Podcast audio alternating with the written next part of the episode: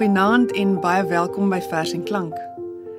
Met wyle TT Kloete se verjaarsdag net so om die draai het ek het goed gedink om 'n program oor hierdie digter saam te stel. Maar ek moes gou besef dat daar soveel ryke stof is om van te kies dat een program heeltemal te kort is. Vanaand se Vers en Klank is dis een van twee afleweringe oor die merkwaardige man se lewe en sy nalatenskap. By my in die ateljee is 'n kloete kenner, professor Bernard Oendal wie self al twee digbundels die lig laat sien het. Hy is ook 'n skrywer, 'n resensent en was vir jare as dosent verbonde aan Eerste Universiteit van die Vrystaat. Later jare was hy ook hoogleraar by die Noordwes Universiteit se Potchefstroom kampus, net soos TT Kloete. Bernard, baie dankie dat jy die koue getrotseer het om vanaand hier te wees. Baie dankie vir die uitnodiging, Sofia. Gelukkig laat 'n uh, goeie poësie 'n mens nie koud nie.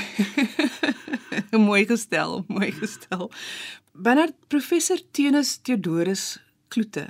Daar is so baie oor hom te sê. Hy was 'n baie gevestigde digter, maar ook bekend as letterkundige en wetenskaplike en hy was 'n dramaturg en 'n prosa skrywer en ook betrokke by die Bybelvertaling, die 1983 uitgawe. Hy was ook 'n psalmberymer of soos hy dit genoem het, 'n omdigter van die psalms. Dis nie moeilik om te verstaan dat hierdie man 'n indruk op mense gemaak het nie, maar waar kom jou belangstelling in Kloete vandaan? Hm.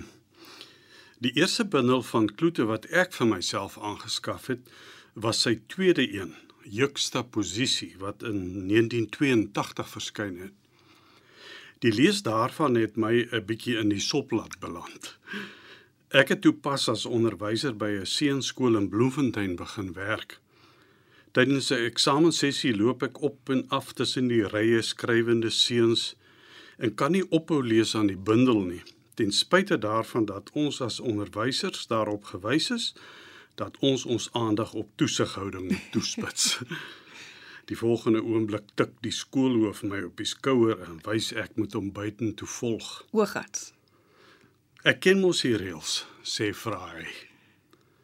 Hy kyk my streng aan vra wat dit is wat ek lees. Ek wys hom en hy lees die gedig waarmee ek besig was. Gomer. Huise staan stil en wit in die sondagsonlig, half bewerig tussen bloekoms waar klanke in sit en vink op die helder herfsnamiddag. Elke streek het sy geluid. Gillende meisie, huilende kind, 'n hond wat blaf van oos na noord na wes na suid hoorbaar ure meters rondom en ver af. Ensovoorts. Mm. toe die skoolhoof opkyk is die strengheid weg. Ek sien sê hy. Gee die bundel terug aan my vermaan my met 'n glimlag dat ek tog moet onthou van die toesigwerk wat in my hoofse gemoed gebeur het het selfs hewiger in myne plaasgevind by die lees van juxtaposisie. Toe ek 'n paar jaar later 'n navorsingsonderwerp moes kies vir my proefskrif, het ek nie gehuiwer om te besluit op TT Kloete se digwerk as die primêre materiaal vir my ondersoek nie. Jy stel dit so mooi, daar gebeur weliswaar iets in 'n mens se gemoed. 'n Kloete gedig is dikwels vir my nogals intellektueel om te lees en daar's ook spirituele elemente maar terselfdertyd is dit ook geweldig aards. Ja. Want uh ewe belangrik vir sy menswees en digterskap as die geleerdheid en woordgevoeligheid was die feit dat hy as 'n plaasseun groot geword het. In die Vredefort koepel, daar waar die meteoor die aarde getref ja. het miljoene jare gelede. Dit het vroeg vroeg 'n sterk sintuiglike ingesteldheid, 'n 'n bewustheid van die wonderbaarlike van die skepingsdinge, as ek dit so mag stel, van die hiermalse by hom aangewakker. Die onverwagse verbande tussen rampspoed en kreatiwiteit, daardie oorvloed uiteenlopendhede in die natuur wat tog uiteindelik samehang. Daardie groot iets wat in die leemtes van ons begrip alle taal en wetenskap ontsnap. Dit sou hom se lewe lank fascineer. Hy het eendag in 'n onderhoud die 17de eeuse Nederlandse skrywer Joost van den Vondel aangehaal in hierdie verband. Jy kan die tydelike alleen ken as jy die ewige droom. Jy kan die ewige alleen vermoed as jy die tydelike ken. Mm, dis baie baie mooi gestel. Daar bestaan enkele argiefopnames van onderhoude met TT Kloete. En in een, 'n gesprek wat Ina Strydom enkele dae voor sy 90ste verjaarsdag met hom gevoer het, praat hy juis oor hierdie bewuswording van die ontoereikendheid van die mens se verstand wanneer dit dan nou kom by die wonders van die kosmos. Hy verwys ook in die onderhoud na 'n ander soort wysheid, 'n God geïnspireerde intelligensie wat in die natuur waargeneem kan word. Die sonneblomme het almal dieselfde spirale. Nou as plaaskind het ek my gevra, hoe is dit moontlik as ek op my perd ry tussen die mielielande en al die mielies is ewe hoog. En almal weet hoe dik hulle stam moet wees, hoeveel blare hulle moet hê. Dis as kind in wat in die natuur groot geword het, het dit my uh, geboei, begin boei en net het ek gesê daar's 'n goddelike wysheid agter dit. En die Grieke het 'n woord vir daardie natuurlike intelligensie, hulle dit intelligie genoem. Kloete het ook van God gepraat as die ingenieuse ingenieur in die wolk. Maar deur sy gedigte bring hy God tog aarde toe, geïnkarneer in elke liewe skepseltjie. Die gedig wat Bernard nou voorlees, het in 1998 by Tafelberg Uitgewers verskyn in die bundel Uit die hoek van my oog. Wie Moses Die monarg skoenlappers reël hulle lugverkeer sonder die Amerikaanse toring beheer. Wie het hulle dit geleer? Wie het die visse se honger so oulik opgelos? Hulle swem in hulle kos. Wie het die reuse Nautilus se vra bo na die Himalaja gedra? Wie is aangestel om die styfmeeldrade van elke lelie perfek te plaas en die regte getal reg uit te tel en die ses kolletjies op die ladybird op die regte plek? Wie het die stomme olifant geleer sedert die tyd van die mammoet en mastodont om te groet met die ivoor van sy tand, sy sterthare en die dik sool van sy voet? Wie het die duiwel se dubbeltjie so slim ontwerp? Hoe hy ook al lê, hy is skerp. Wie het die eierdop geleer om te ventileer? En die talle besonderhede is so te veel dat my oog breek en in stafies verdeel 360 grade skeel. En so het 'n heelwat jonger TT Kloete dieselfde konsep van God se voortdurende betrokkenheid by die skepping in nog 'n gedig getiteld Ywer in die 1982 publikasie Juxtaposisie voorgeles. Ywer uit juxtaposisie. Glanskewers en struike met bessies en bye en vlinders en suikerkelkies. Voëls en saadgrasse en vrugdraande gewasse. Verwonderd regop sit ek en hou dop hoe in 'n klein bestek God hom ywerig voltrek.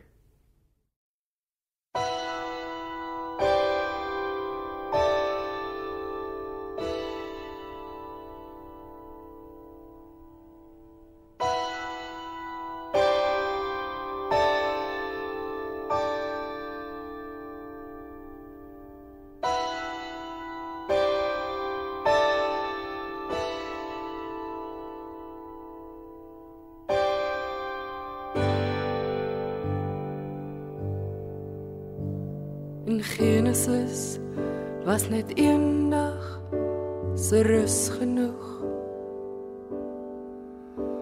Die aarde is vol vernuwing.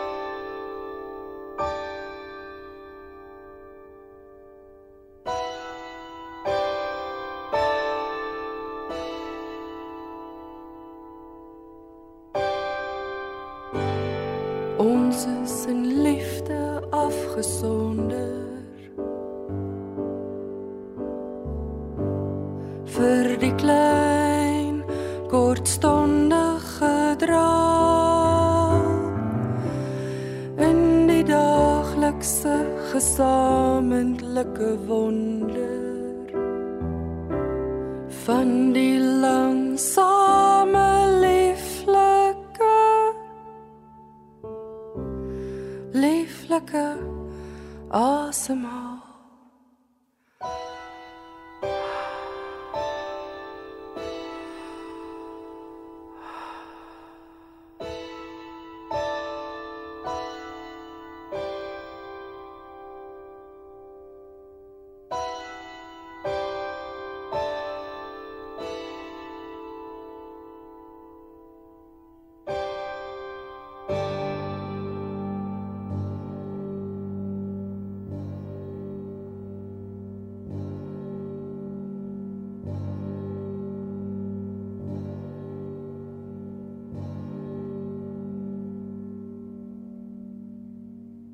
Ek is Sofia en jy luister na Vers en Klank. Vanaand gesels ek met professor Bernard Orendaal oor die digter TT Kloete. Die lied wat jy sopas gehoor het, is Babette Viljoen en Olga Lennet se toonsetting van 'n Kloete gedig genaamd Opruim, wat in 1992 by Tafelberg Uitgewers in sy bundel Met die aarde praat verskyn het. Bernard na sy matriekjaar op Creersdorp het Kloete teologie gaan studeer aan die Universiteit van Pretoria. Maar toe kry hy in sy eerste jaar polio en dit was as ware 'n keerpunt in sy lewe. Ja, hy was vir lank plat getrek en het ewige pyn moes verduur. Trouwens, hy sou sy lewe lank pyn ervaar. Talle siekte opwellings beleef, operasies ondergaan onder meer om gewasse uit sy liggaam te verwyder. Gevolglik het hy min slaap kon inkry. Hy het vertel dat hy so geleer het dat sowat 4 ure se slaap uit elke 24 eintlik genoeg rus vir hom inhou. Ja, en in al daardie wakker ure was hy beslis nie ledig nie. Kloete het dit destyds so vir Ina Strydom vertel. Die, wat doen jy? Wat doen jy as jy 2 jaar bedlêend is of halfpad half bedlêend, half bewegend, sukkelend bewegend? Jy lees. Jy studeer. Ek het toe deur daai daai 2 jaar het ek deur die Universiteit van Suid-Afrika gestudeer. En uh, toe baie goed gevaar want ek was niks anders ek was amper soos 'n monnik net gefokus op lees en op studeer. En toe het ek nou uh, terug teruggekom na die pik toe en hier verder dan nou gestudeer en uiteindelik is ek toe buiteland toe. Ek het nie nog iemand teëgekom wat so wydbelese was op soveel kennisvelde as T.T. Kloete nie. Want daar sy enorme verwysingsveld as 'n mens sy poësie lees. En toe hy sy studies kon hervat, het hy hom op die letterkunde toegespits. Na 'n MA op Potchefstroom is hy na die gemeentelike universiteit van Amsterdam vir doktorale studies daar onder leiding van NP van Wyk Lou. By sy terugkeer in 1953 is hy aangestel as lektor in Afrikaanse en Nederlandse letterkunde aan sy alma mater in Potchefstroom. Daarna was hy professor aan wat destyds bekend was as die Universiteit van Port Elizabeth. Hy was ook dekaan daar en selfs waarnemende rektor voordat hy teruggekeer het na die Pik op Potchefstroom as letterkunde hoogleraar. In 1983 Nog voordat hy 60 was, moes hy egter weens sy swak gesondheid aftree. As kranklike kon hy voortleef om uiteindelik 91 jaar oud te word. Gelukkige ons vanaf 1980 toe hy gedebuteer het met die digbundel Angelira, het hy hom in hoofsaak toegespits op kreatiewe skryfwerk. Maar waarom het hy met hierdie eerste bundel gewag tot hy 56 jaar oud was? Laat hy self vertel. Ek het nie die moed gehad om te publiseer nie. Uh mense moet verstaan toe ek 'n jong digter was, was daar hier die fameuse van Wyk Lou, W.E.G. Lou, Elisabeth Eybers, later mense soos Ernst van Heerden, Wilma Stokkenstroom. Ek het net nie uh, die durf gehad om uh, my gedigte te publiseer nie.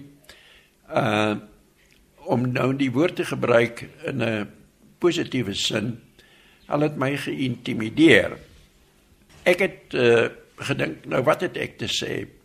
Maar my vrou het gesê ek het iets te sê. My vrou het die geloof in my gehad en sy het voortdurend vir my gesê alles is nie gesê nie jy het iets om te sê en en en sy het my altyd ondersteun en toe en nie eh, toe kry ek trombose omdat ek so sit bestaan voer.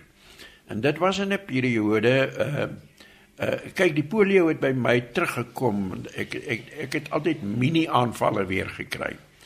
En toe was daar 'n periode uh in in die 80er jare wat ek baie baie siek was weer en toe kry ek trombose en by die dood omgedraai en toe het my vrou gesê sy wil nie met 'n papierboedel sit nie.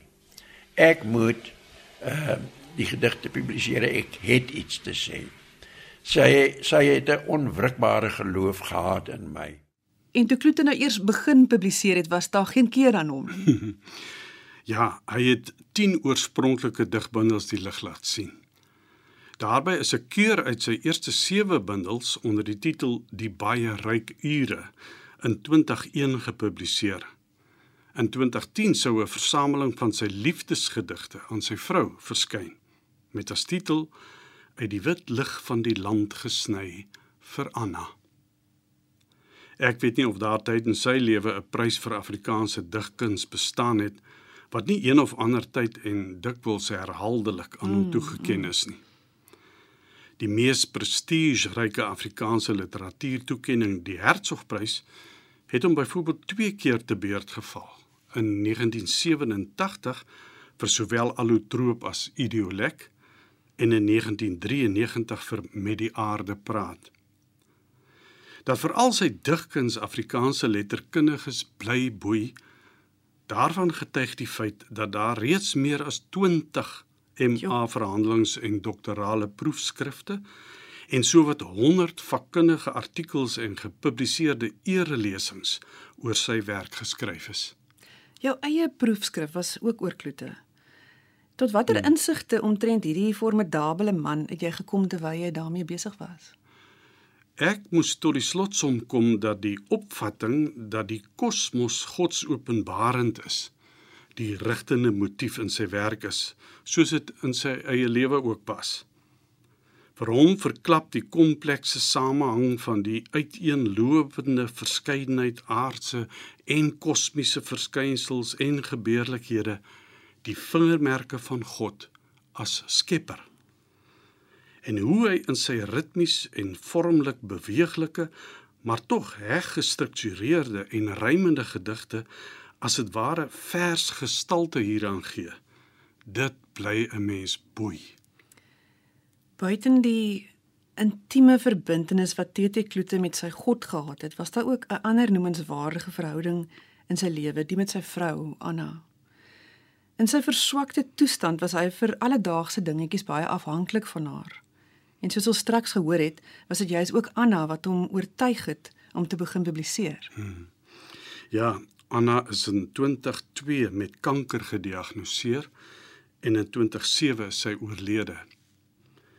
Kloete het haar die laaste 4 jaar van haar lewe self versorg, soos wat sy hom voorheen herhaaldelik versorg het in tye van sy siektes. Hulle seun Theo vertel dat sy pa in die laaste jare van sy ma se lewe nooit haar bed verlaat het nie. Hy het homself daar ingerig en langs haar bed gesit en werk. Bernard in die 1985 bundel Allotroop verskyn daar so 'n teere gedig oor die mooi liefde en kameraadskap tussen hierdie twee mense. Sê dit vir ons voorlees asseblief. Graag. Unisex. Ons het mekaar se 80 plus jaar lief. Sonder onderskeid van man en vroulikheid, sonder sterkste en eerste, sonder taaiste of teerste of mooiste. Ons eilhare is ewe lank en dun. Ons roosblaarhuid is ewe blank en gevrat. Nooit van tevore so nie, seer seker, het ons mekaar so lief gehad nie. En nooit meer en meer getrou as nou nie. As een nou moet doodgaan, hou die ander een sommer op om te bestaan. Albei se arms is vlerke wyd gebak vir mekaar om mekaar in te hak. As een se voet nou sou swik, is die ander een ook gewrik. Ons gaan eensgesind geklee en eenders is al twee. Is dit waar dat Kloete met Anna se diagnose vir haar begin briewe skryf het en selfs jare na haar dood nog steeds daarmee volgehou het, briewe wat Anna nooit gelees het nie? Ja, inderdaad. 'n Jaar na sy eie afsterwe in 2016 is hierdie briewe gebundel en het in 'n bibliofiele uitgawe met beperkte oplaag verskyn by Annetjie Botha Du Plessis se Poka uitgewery. Ek lees 'n gedeelte van 'n brief van Anna wat hy op 17 November 2010 geskryf het. Jy is dus steeds die digter in my na jou dood. Jy is nog in die gedigte of ek is die digter in jou. Dis waar ek jou oor het in gedigte en dalk in gedigte wat nog moet kom. Jy is in daardie gedigte ingegrafieer, gefotostateer, ingegroef, ingehou, gemolekuleer, geparfumeer, ingeklee, ingelyf. Jy het nou die gedaante van 'n gedig, van gedigte. Wat 'n wonderlike oorlewingskrag het taal. Wat 'n versterkwater is dit nie? Die naaste metafoor vir 'n gedig waaraan ek kan dink, is dat dit gom is, 'n druppel gom wat versteen en 'n oerinsek wat toevallig in hom beland het as fossiel in hom bewaar. En dankie tog vir hierdie versterkwater wat wat taal is, nê? Anders het ons nie hierdie onsaglike skat, hierdie fonds van TT Kloete se werk gehad nie. Ja, nee. Dit was die eerste van twee programme oor TT Kloete. Skakel gerus volgende Dinsdag weer in wanneer ons op Kloete se geboortedag, die 31ste Mei, sy bydrae tot die Afrikaanse digkuns verder verken. Bernard, ek wil jou vra om nog een laaste gedig vir ons voor te lees. En dan groet ons vanaand met nog 'n toonsetting van 'n Kloete vers deur Babette Viljoen en Olga Lennert. Van my, Sofia en professor Bernard Oendal. 'n Mooi aand vir jou. Net een uit onversadig wat in 2011 by Tafelberg verskyn het.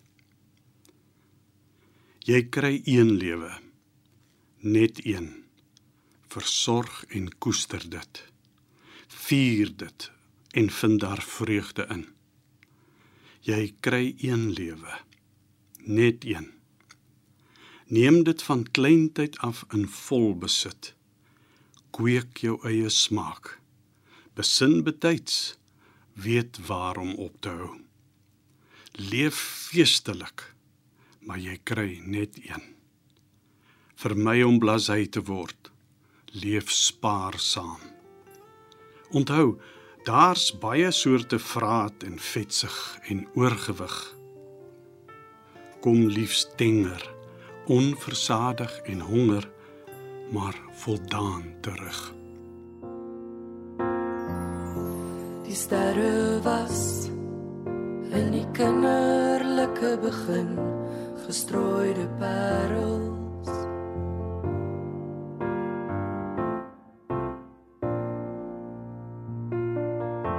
Die sterre was in die kinderlike begin?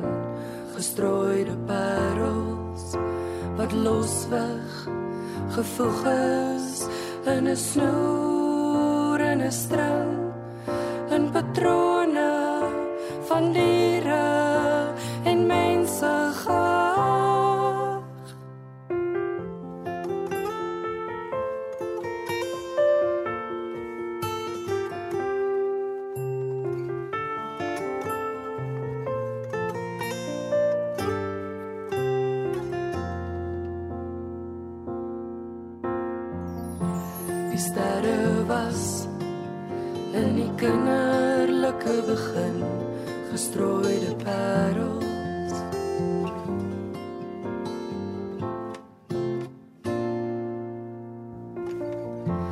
sterre was in die kinderlike begin. Gestrooide parels speelgoed vir die verbeelding van koel en sagte goud. En patrone van die